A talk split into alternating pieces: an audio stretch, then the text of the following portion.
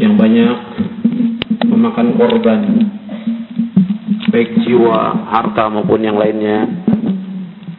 Yang kita ingat dalam menghadapi musibah yang menimpa kaum muslimin yang pertama yang antum harus ingat dan kita wajib ingat bahwa semua musibah yang terjadi pada diri kita dan juga yang terjadi di muka bumi ini semuanya adalah berjalan menurut qada dan qadar Allah SWT. Itu harus kita yakini.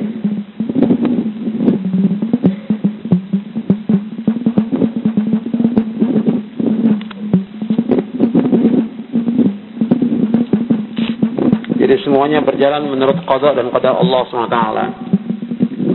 Jadi apa saja yang terjadi di langit, di bumi,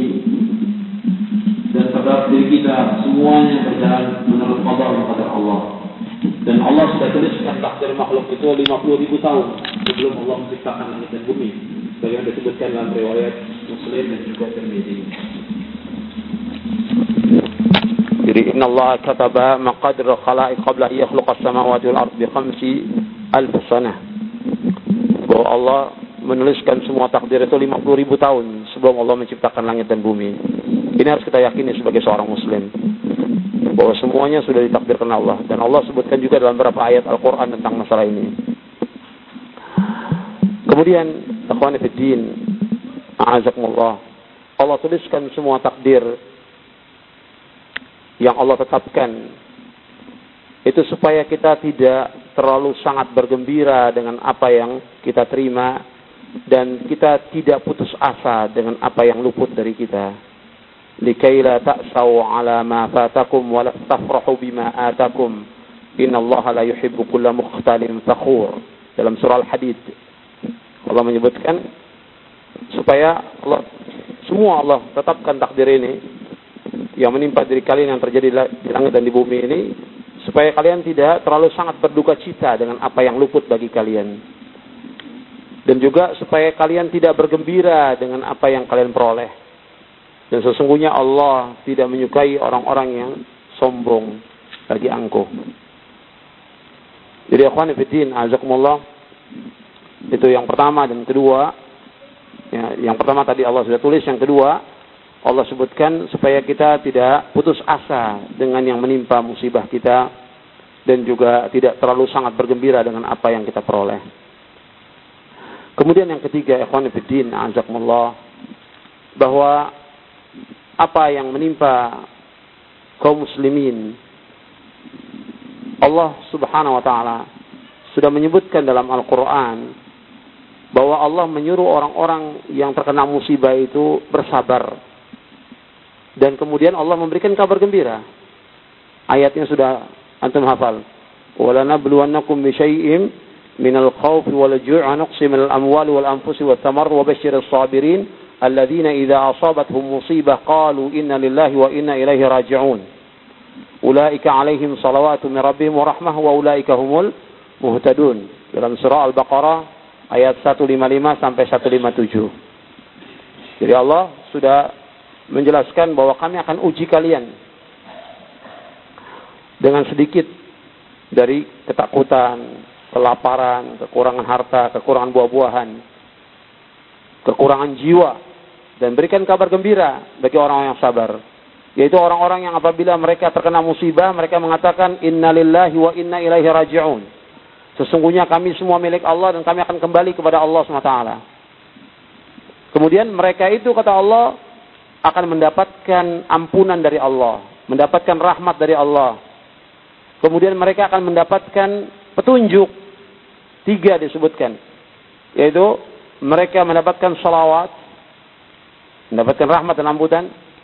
Kemudian mereka mendapatkan rahmat, eh, ampunan, rahmat, kemudian hidayah. Jadi orang-orang yang sabar ketika mendapatkan musibah, dia mengucapkan innalillahi wa inna ilaihi raji'un.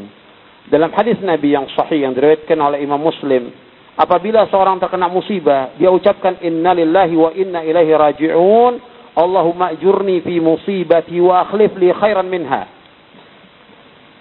Kalau untuk semuanya berjamaah, Allah majurna fi musibatina wa akhlif lana khairan minha. Jadi kita ucapkan innalillahi wa inna ilaihi raji'un. Sesungguhnya kami milik Allah dan kami akan kembali kepada Allah. Ya Allah, berikanlah ganjaran dari musibah kami dan gantikan yang lebih baik buat kami. Menurut Al-Imam Ibn Al-Qayyim Al-Jauziyah dalam kitabnya Zadul Ma'ad fi Hadiyah Khairul Ibad di juz yang keempat, beliau menjelaskan bahwa orang yang mengucapkan kalimat ini dia harus memahami tentang dua pokok ini. Yang pertama, yang pertama dengan kita mengucapkan inna lillahi wa inna ilaihi raji'un. Inna lillah bahwa kita milik Allah. Pada hakikatnya kita ini diliputi oleh dua keadaan. Yang pertama ada min qablahu wa ada min ba'dahu. Yaitu kita tidak ada sebelumnya. Yang kedua, kita tidak ada sesudahnya. Artinya kita lahir ke dunia ikhwan fillah azakumullah kita nggak punya apa-apa dan kita tidak membawa apa-apa. Sama sekali. Kita lahir, kita nggak bawa harta, nggak bawa benda, nggak bawa segala macam. Kita lahir dalam keadaan tidak membawa apa-apa. Sama sekali. Kita lahir. Kemudian nanti juga sesudah itu wa ada min ba'dahu Sesudah itu kita meninggal dunia juga nggak bawa apa-apa, nggak bawa harta, nggak bawa benda, nggak bawa segala macam kecuali amal kita. Itu dijelaskan oleh Imam Qayyim, kita ada min qablahu wa ada min ba'dahu. Makanya ketika kita menyebutkan innalillahi bahwa kita milik Allah, semua milik Allah. Apa yang terjadi bagi bagi kita itu bahwa semuanya milik Allah. Semua yang kita terima pinjaman. Rumah kita, harta kita, istri kita, anak kita, keluarga kita, semua pinjaman. Dan Allah ketika mengambil pinjaman, kita akan kembalikan kepada Allah SWT. Allah yang memiliki semuanya. Bukan kita. Kita nggak punya apa-apa. Kita lahir dalam keadaan tidak punya apa-apa. Sekarang Allah minta lagi, Allah kembalikan. Jadi, ikhwan fiddin, azakumullah, kita milik Allah. Innalillahi, kita milik Allah semuanya. Jadi kalau apa sih yang menimpa kita, anak kita sakit, istri kita sakit, keluarga kita sakit, kita kemudian terkena luka, cacat dan yang lainnya. Pada hakikatnya kita milik Allah SWT. Dan yang harus kita ingat ketika Allah memberikan musibah kepada kita itu yang terbaik buat kita. Tidak ada yang jelek yang Allah berikan kepada kita. Apa yang Allah berikan kepada kita itu yang terbaik buat kita. Makanya Nabi di antara doa Nabi SAW Allahumma inni as'aluka an taj'ala kulla qada'in qadaitahu li khaira. Ya Allah, jadikanlah ketentuan engkau yang engkau tentukan untuk kami baik buat kami ya Allah. Jadi semua yang Allah tentukan buat kita itu baik buat kita. Yang nanti insya Allah saya akan jelaskan. Kemudian yang kedua, ikhwan fiddin, azakumullah kata Imam Al-Qayyim, prinsip yang kedua, wa inna ilaihi raji'un. Dan kita semua akan kembali kepada Allah SWT. Semua kita akan kembali kepada Allah. Dan kita akan dipertanggungjawabkan tentang apa yang kita lakukan di muka bumi ini. Jadi dunia ini bukan tempat tinggal kita. Bukan tempat yang abadi. Dunia ini sementara. Maka dengan ujian yang Allah berikan kepada kita, kita harus di sini ada ibadah yang harus kita penuhi. Apa? Ubudiyatul ridha wa ubudiyatul sabr. Harus tumbuhkan ibadah kepada Allah dengan bentuk ridha dan sabar. Musibah semua orang kena musibah. Maka ditumbuhkan di saat yang seperti ini yang ada ibadah kita sabar, ibadah sabar dan ibadah ridho. Itu harus tumbuhkan. Karena dengan ibadah ridho dan sabar itu kita mendapatkan ganjaran yang luar biasa. Karena musibah sekecil apa pun yang menimpa kita diganjar oleh Allah.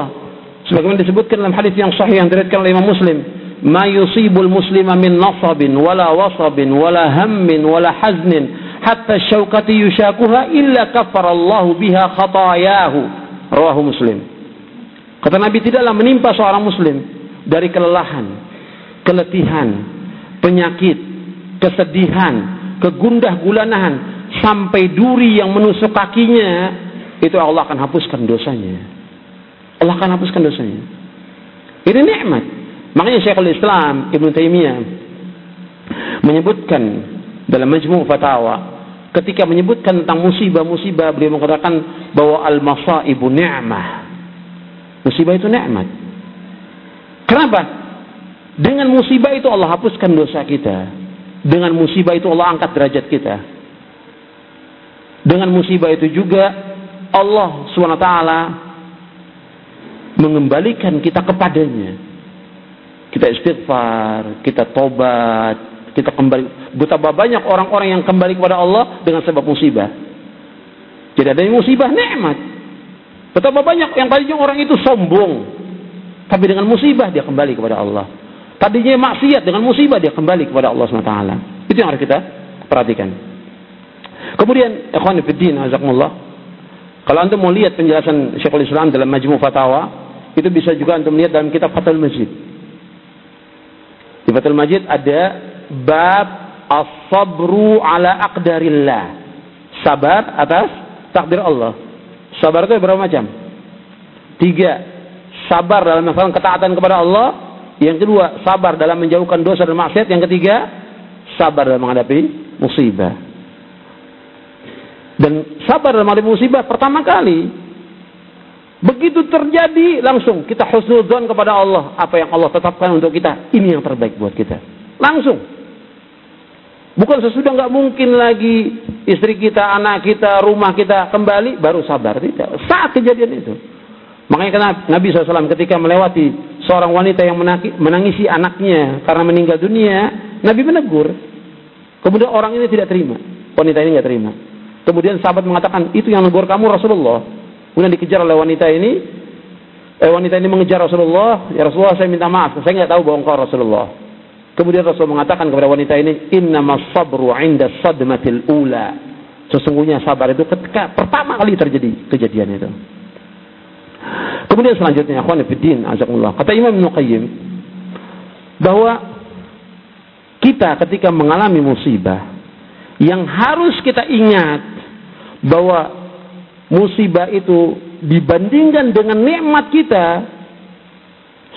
sebentar musibah ini sekedarnya musibah. Antum dari mulai lahir sampai sekarang nikmat itu nggak bisa kehitung. Tidak bisa terhitung nikmat itu. Musibah ketika menimpa kita apakah terkena kaki kita kepala kita badan kita atau anak kita meninggal dunia atau usaha kita jatuh segala macam sebentar. Nikmat ini sudah kita nikmati puluhan tahun. Sedangkan musibah sebentar. Makanya kita bandingkan antara musibah dengan nikmat yang Allah berikan kepada kita. Nikmat itu sangat banyak, nggak bisa kita hitung. Musibah setidaknya sih, sebentar dan sementara musibah itu. Kemudian lagi yang harus kita ingat ikhwani fiddin, a'azakumullah, bahwa musibah yang menimpa kita bukan hanya kita yang tertimpa. Seperti di Jogja ini, bukan hanya kita, sekian banyak orang. Kita bandingkan lagi di Indonesia juga banyak yang terkena musibah. Kalau istri kita sakit, keluarga kita sakit, betapa banyak oh juga orang yang sakit di rumah sakit yang lebih sakit dan lebih parah dari kita. Lebih parah dari kita. Makanya dengan kita membandingkan seperti itu, kita akan bersyukur kepada Allah. Kita alhamdulillah masih diberikan kenikmatan oleh Allah. Bandingkan antara musibah dengan nikmat yang Allah berikan kepada kita. Kemudian lagi ya fillah azakumullah. Yang harus perhatikan lagi, musibah yang menimpa kita alhamdulillah tidak menimpa agama kita. Kalau menimpa agama kita, kita rugi dunia dan akhirat. Musibah hanya bangunan, rumah, dan yang lainnya. Bukan agama. Coba kalau agama menimpa kita, kita disesatkan oleh Allah. Nauzubillah min dzalik. Nasallallahu salam wal. Dipalingkan kita dari jalan yang lurus ke jalan yang sesat. Nauzubillah. Maka kita bersyukur kepada Allah musibah ini enggak seberapa dibandingkan dengan musibah agama. Maka di antara doa Nabi sallallahu alaihi wasallam, Allahumma la taj'al musibatana fi dinina Ya Allah jangan kau jadikan musibah kami dalam agama kami. Wala taj'al dunya akbar hammina wala mablagha ilmina wala tusallit alaina man la yarhamuna. Ya Allah jangan kau jadikan musibah pada agama kami. Jangan kau jadikan dunia ini sebagai tujuan cita-cita kami. Dan juga puncak dari ilmu kami. Dan janganlah ya Allah engkau berikan kekuasaan kepada orang-orang yang tidak menyayangi kami. Di awal doa ini Mungkin di antara antum ada yang hafal. Nabi minta juga diberikan oleh Allah keyakinan terhadap musibah. Dengan yakin musibah datang dari Allah, diringankan kita oleh Allah SWT. Awal dari doa itu Nabi berdoa, Allahumma qsim lana min khasyatika ma tahulu bihi bainana wa baina ma'asik, wa min ta'atika ma tuballighuna bihi jannatak, wa min al-yaqin ma tuhawwinu bihi alaina masaib dunya. Keyakinan yang meringankan musibah-musibah dunia kami ya Allah. Kalau kita yakin tentang takdir Allah. Kita yakin bahwa apa yang Allah timpakan kepada kita ini yang terbaik buat kita. Kita yakin bahwasanya musibah ini akan menghapuskan dosa kita. Kita yakin bahwa Allah menyimpan buat kita surga bagi orang-orang yang beriman. Sampai Allah menyebut, eh, sampai Nabi menyebutkan tentang seorang yang anaknya meninggal. Apa yang diucapkan? Innalillahi alhamdulillah innalillahi wa narjiun. Malaikat melapor kepada Allah, ya Allah, hambamu mengucapkan alhamdulillah Inna lillahi wa inna ilaihi raji'un. Kata Allah apa? Ibnu li abdi baitul hamdi. Bangunkan untuk hambaku baitul hamd di sorga. Rumah pujian bagi orang-orang yang dia bersyukur dengan musibah yang Allah timpakan kepada kita. Jadi musibah yang menimpa kita, ikhwan din, azakumullah, itu merupakan nikmat. Tapi juga harus kita ingat bahwa musibah juga tidak lepas daripada dosa dan maksiat. Asabakum min musibatin fabima kasabat aydikum wa ya'fu an katsir. Dan apa saja musibah menimpa kalian itu dengan sebab tangan-tangan kalian. Dan Allah banyak memberikan maaf kepada kalian. Kalau seandainya setiap dosa yang dilakukan oleh manusia diazab oleh Allah, kita nggak hidup semuanya ini. Tapi Allah wa ya'fu an katsir, banyak sekali Allah maafkan. Sehingga sedikit yang Allah timpakan musibah, sedikit kecil sekali dibandingkan nikmat yang sekian banyak kecil musibah ini. Makanya kita ingat ya akhwan fiddin azakumullah bahwa enggak lepas daripada perbuatan dosa dan maksiat. Kita saya dan antum banyak perbuatan dosa maksiat. Lebih-lebih orang di sekitar kita. Belum lagi orang-orang yang berbuat syirik dan bid'ah itu juga penyebab datangnya musibah. Al-Imam Nuqayyim juga menyebutkan dalam kitabnya Bada'iul Fawaid bahwa apa yang menimpa manusia di muka bumi ini dari kehancuran, kekeringan, malapetaka, dikuasai oleh musuh-musuh disebabkan karena mereka berbuat syirik kepada Allah, yang kedua disebabkan karena mereka tidak taat kepada Rasulullah SAW. Jadi musibah yang menimpa mereka sebabnya yang pertama syirik. A'zamul dzunub, akbarul kabair, ankarul munkar. Syirik ini. Yang kedua mereka tidak taat kepada Rasulullah SAW. Sehingga datang musibah demi musibah yang menimpa kaum muslimin. Sekarang bagaimana? Ya banyak kita istighfar. Banyak kita taubat kepada Allah SWT. Jangan menganggap diri kita bersih. Meskipun antum tinggal di pondok, tiap hari hafalkan Quran, baca Quran, melakukan amal soleh, qiyamul lail, puasa, tetap kita banyak dosa. Antum, saya dan antum dibandingkan dengan Abu Bakar Siddiq, Abu Bakar ahlul jannah. Kata Rasulullah, Abu Bakar fil jannah. Tapi ketika Abu Bakar radhiyallahu Anwar bertanya kepada Rasulullah, "Ya Rasulullah, apa doa yang pantas aku baca dalam salatku?" Apa Rasul ajarkan? Allahumma inni zalamtu nafsi zulman katsira wa la yaghfiru dzunuba illa anta faghfir li maghfiratan min indik warhamni innaka antal ghafurur rahim. Hadis Bukhari dan Muslim. Kata Nabi kepada Abu Bakar, ya Abu Bakar, baca dalam salat kamu, Allahumma inni zalamtu nafsi zulman katsira Ya Allah sungguhnya aku telah menzalimi diriku dengan kezaliman yang besar. Abu Bakar ahlul jannah. Diajak Nabi, ya Allah sungguhnya aku berbuat zalim dengan kezaliman yang sangat besar. Tidak ada yang mengampuni dosa kecuali engkau. Maka berikanlah ampunan untukku ya Allah. Sesungguhnya engkau lama pengampun dan penyayang. Jadi kita seperti itu juga. Istighfar, minta ampun kepada Allah. Terus istighfar, minta ampun kepada Allah. Itu akan mendatangkan apa? Kemudahan, akan mendatangkan rezeki dan yang lainnya, nikmat. Dan itu juga yang dinasihati oleh Nabi Hud kepada umatnya, yang dinasihati oleh Nabi Nuh kepada umatnya agar mereka minta ampun kepada Allah Subhanahu Jadi ikhwan fiddin, azakumullah dalam kondisi yang seperti ini kita lebih banyak mendekat kepada Allah Subhanahu wa Istighfar, minta ampun kepada Allah dan juga kita hibur kaum muslimin. Nasihati mereka. Jangan sampai mereka dengan musibah ini tambah jauh dari Allah. Jangan sampai musibah ini justru mereka berbuat syirik. Seperti yang diberitakan bahwa daerah Bantul dengan kejadian ini malah mereka pakai pakai jimat, pakai tangkal, pakai gelang untuk tolak bala. Ini syirik. Perbuatan ini perbuatan syirik. Inna ruqa wa tama'ima wa tiwalata syirkun.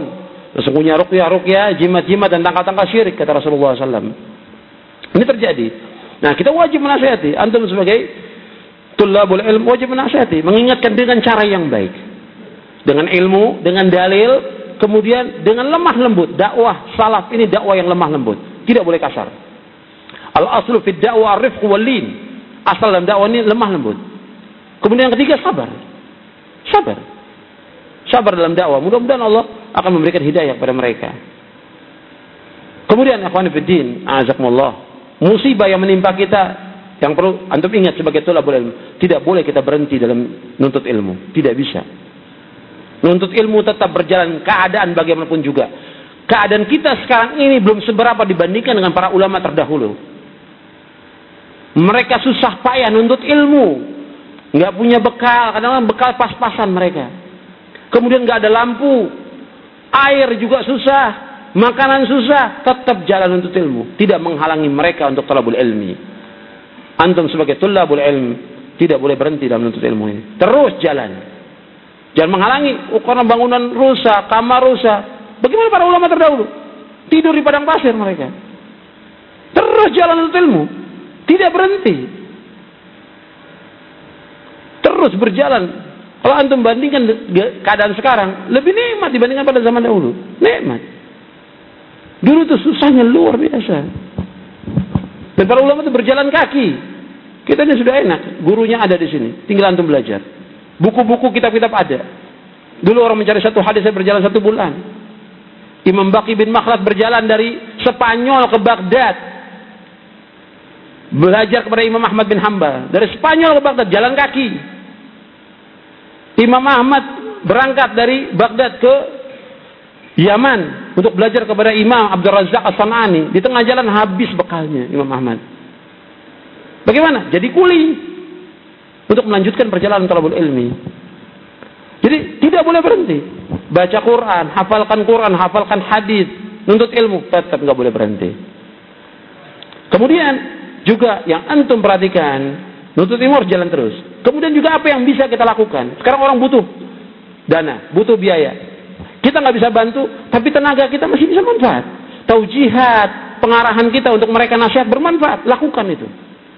Apa yang bisa kita lakukan, lakukan. Khairun nas anfa'uhum linnas. Sebaik-baik manusia yang bermanfaat buat orang lain. Jadi jangan kita diam, jangan bertanya apa yang bisa kita lakukan sekarang di sini? Ayo lakukan. Kerjakan. Harus bermanfaat, nggak boleh kita berpangku tangan. Kita membantu seorang mukmin mendapatkan ganjaran dari Allah.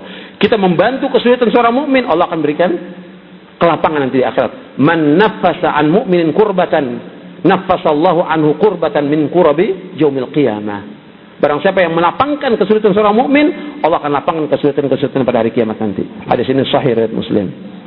Nah itu saja ya ikhwan fillah, azakumullah yang bisa saya sampaikan untuk saya dan untuk antum sekalian. Mudah-mudahan bermanfaat yang sedikit ini dan kita juga jangan lupa untuk selalu berdoa dan berzikir kepada Allah SWT. Di samping kita husnudzon, doa dan zikir kepada Allah agar Allah memberikan yang terbaik buat kita. Terus doa, doa langsung kepada Allah doa. Allah akan kabulkan doa kita. Jadi di sini ibadah kita kepada Allah kita tumbuhkan lagi dan di situ Allah senang mendengarkan keluhan hambanya. Allah senang. Semakin kita terus minta kepada Allah, Allah senang. Dan ingat bahwa apa yang menimpa kita ini selalu kita ingat bahwa Allah ketika menimpakan musibah kepada kita, Allah itu ahkamul hakimin wa arhamur rahimin. Allah yang bijaksana paling bijaksana Allah, yang paling sayang. Kita sayang kepada diri kita, kita sayang kepada anak kita, kita sayang kepada keluarga kita, kita sayang kepada tetangga kita. Allah lebih sayang kepada diri kita dan keluarga kita daripada kita kepada diri kita sendiri. Allah yang lebih sayang. Dan Allah bijaksana. Allah ketika menimpakan musibah, Allah tidak berbuat zalim kepada hambanya. Sama sekali Allah nggak zalim. Sama sekali Allah tidak berbuat zalim. Tapi hikmah itu sangat banyak yang kita belum tahu. Jadi musibah itu menghapuskan dosa, mengangkat derajat, dan juga jalan menuju sorga. Kemudian juga menghilangkan sifat sombong, sifat ujub, sifat yang lain. Itu akan hilang dengan musibah.